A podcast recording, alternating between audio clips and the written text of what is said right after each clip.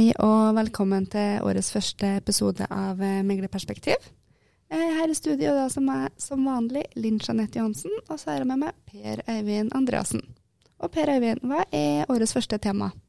I dag så skal vi snakke om eh, noe som berører svært mange, og som ble hasteinnført nå rett før jul, i desember.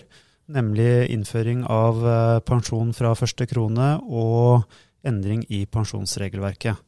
Og uh, dette her er jo noe som uh, de fleste i næringslivet bør vite mer om. Og hvem er det vi er så heldige å ha med oss i dag, da, for å se nærmere på pensjon fra første krone? I dag så har vi med oss uh, en av Norges fremste pensjonseksperter, nemlig Vidar Pedersen, som jobber her hos oss i E.ON. Velkommen til deg, Vidar. Og vil du, vil du, fortelle litt om hva denne endringen egentlig innebærer, og hva, hva som nå har blitt innført? Jo, tusen takk for den introduksjonen, Per Øyvind. Som alltid veldig hyggelig å få lov til å være med dere i studio. Eh, denne endringen til pensjon fra første krone har jo for så vidt ligget på bordet en god stund. Så, så det er vel eh, å si at han er hasteinnført, er vel litt grann, eh, en liten overdrivelse kanskje, Per Øyvind. Men, men, men, greit nok. Det som skjedde før jul, var at den nye Støre-regjeringen bestemte seg for da å øke hastigheten litt i innføringen ved å si at den da skal virke fra 1.7.2022, mens den tidligere regjeringen, Solberg-regjeringen hadde planlagt at dette skulle innføres fra 1.1.2023. Så det er ikke sånn veldig stor forskjell, men en liten sånn oppgiring av, av takten. Det er det politikken her uh, går ut på. Hva er egentlig bakgrunnen for at de har gira opp uh, farten her? Så det er jo typisk eh, sånn politisk uh, slagfelt her, hvor, hvor uh, si, fagforeninger og venstresiden i, i, norsk politikk er opptatt av å gi pensjon til størst mulig del av befolkningen, og da, og da, strekke det nedover også på, på lønnsskalaen. Dette går jo også litt hånd i hånd med den teknologiske utviklingen. For, for, litt av begrunnelsen for at man tidligere ikke har hatt pensjon fra første krone, det er jo nettopp at uh, selve registerføringen og sånt har vært uh, krevende. Mens man i 2022 uh, eh, må regne med at datasystemer og automatikk osv. er tilstrekkelig til at dette kan gjøres uten, uten all verdens mye problemer. Så, og så er det for så vidt vil si min, min, vurdering av det politiske er vel at det er mer eller mindre tverrpolitisk at, at man skulle ha pensjon fra første krone. Eh, men så har man da vært uh, bitte lite grann uenig om uh, hastigheten i innføringen. Og det som gjelder nå, bare for å ta det helt konkret, er at loven trådte i kraft 1.1.2022. Men det er da gitt en overgangsperiode ut 30.6.2022 med å tilpasse seg.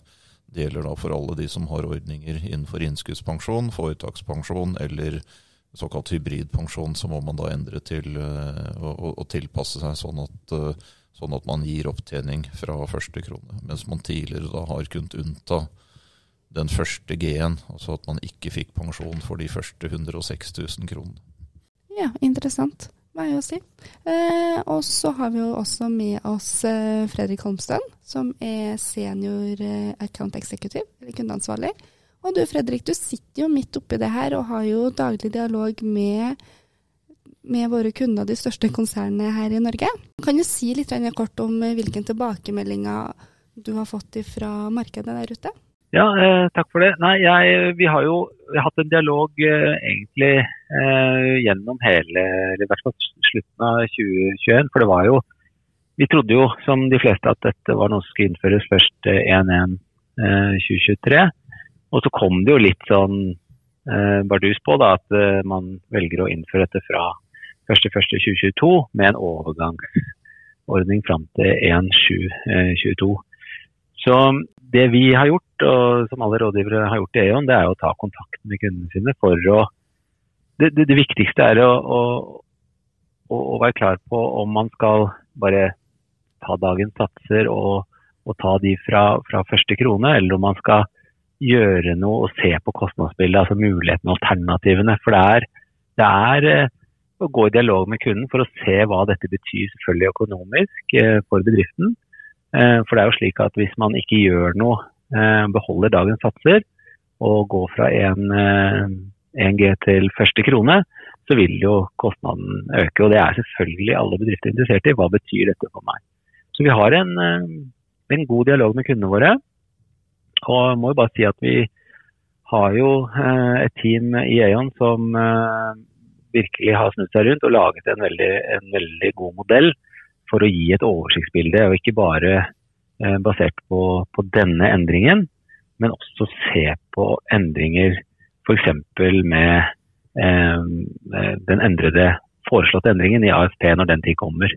Sånn at man kan man se på hele bildet her. For det faktum at det her ble gjort kjent i desember, eh, når veldig mange allerede har lagt sine budsjetter og, og innført allerede nå fra januar, så vil jo det bety at bedriftene vil jo, eller mange da, vil jo få påvirkning på sine budsjetter i år. Eh, og den fasen mm. der er man jo midt i gang med nå i forhold til å planlegge. Det kommer et lønnsoppgjør bl.a. Hvordan opplever du at bedriftene eh, forholder seg til det så langt, Fredrik? Nei, Så langt så syns jeg eh, så, så, så, langt så var det jo Det var noen som, som eh, reagerte jo litt sånn Å ja, da må vi se på budsjettene igjen. for man dette kom jo når bedriftene holdt på å planlegge budsjettene for 2022. Og så Man så ikke for seg denne økningen uh, her så fort.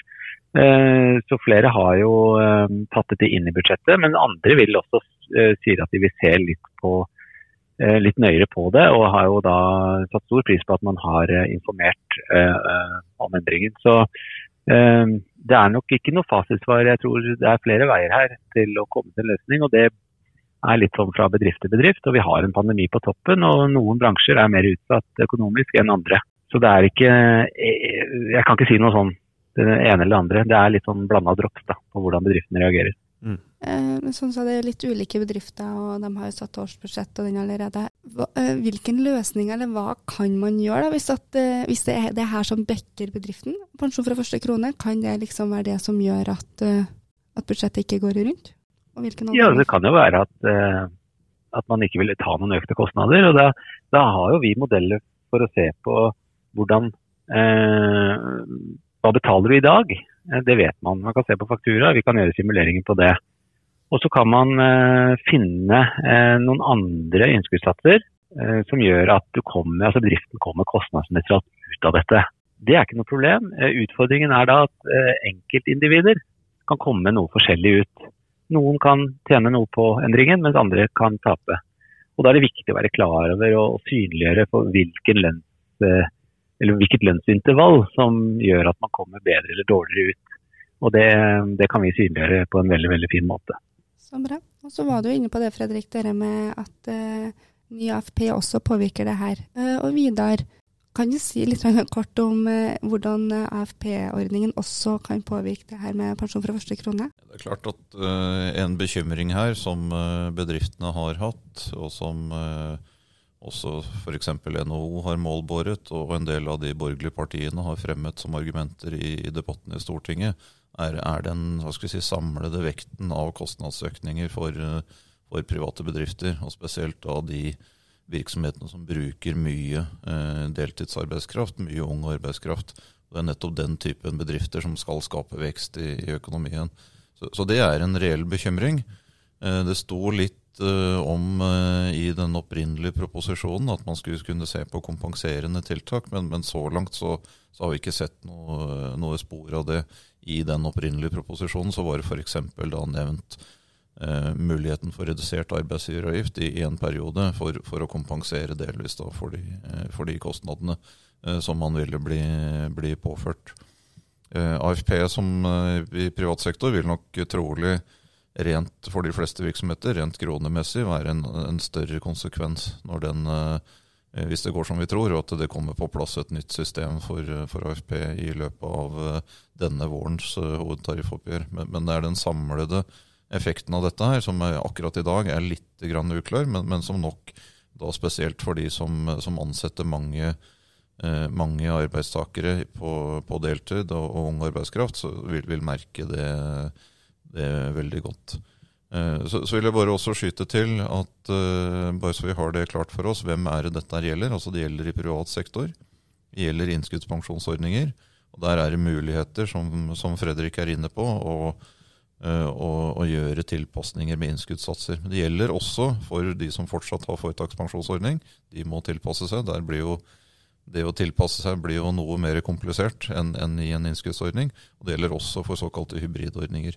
Det gjelder derimot ikke i offentlig sektor. Der er det ikke tilsvarende gjennomslag for, uh, for, i pensjon for, fra første krone. Så hvis man er i selskap osv., så, videre, så finnes det fortsatt uh, ordninger i offentlig sektor. F.eks. pensjonsordningen for sykepleiere, som har en innmeldingsgrense på 20 Og Det finnes også en, en lang rekke andre ordninger hvor det stadig er uh, opptaksgrenser før man kommer inn i ordningen. Så det gjelder altså de, de vanlige ordningene i privat sektor, der er det nå da krav til pensjon fra, fra, første krone. Og Det er også i de virksomhetene som har den typen pensjonsordninger at man vil se den typen kostnadsøkninger. Jeg skjønner det er viktig å skaffe seg litt oversikt over hva endringen faktisk eh, betyr for den enkelte. Eh, du Fredrik, som sitter midt i kundedialogen og, og har eh, kunder eh, som dette treffer eh, direkte også, hva, hva, vil du si er viktig å kanskje råde de til? da? Eh, med den endringen som nå kommer? Nei, jeg tenker, eh, jeg tenker at man, man, har jo tross alt noen måneder på seg. Man kan alltid gjøre innskuddene til, med tilbakevirkende kraft. Så bruk, bruk i hvert fall den tiden godt. Og se også på, på lønnsarter. Er det, er det, lønn som kanskje har vært utenom pensjonsgrunnlaget som vi kan ta inn? Eh, se på, som Vidar var inne på, se på AFP. Gjør noen simuleringer på det. det vi vet ikke hvilken AFP-premie som vil være eh, som vil komme med den nye AFP-en, men, men, men man, vi kan gjøre noen simuleringer.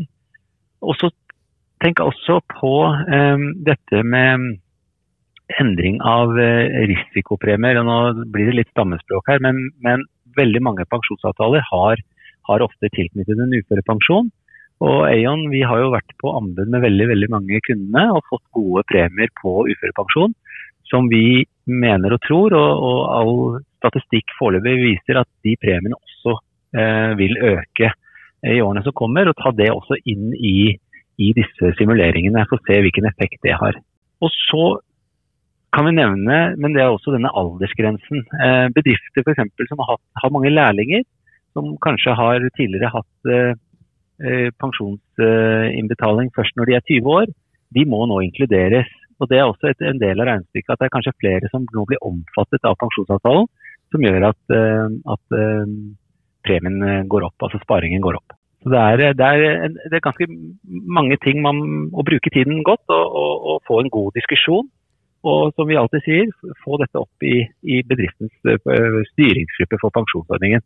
Veldig fin diskusjonsforum hvor, hvor kan, man sammen kan sette seg ned og, og få en god prosess sånn uh, utenfra så høres det her ut som det bare blir dyrere og dyrere for bedriftene å ha ansatte, å ha unge ansatte, og i hvert fall på deltid.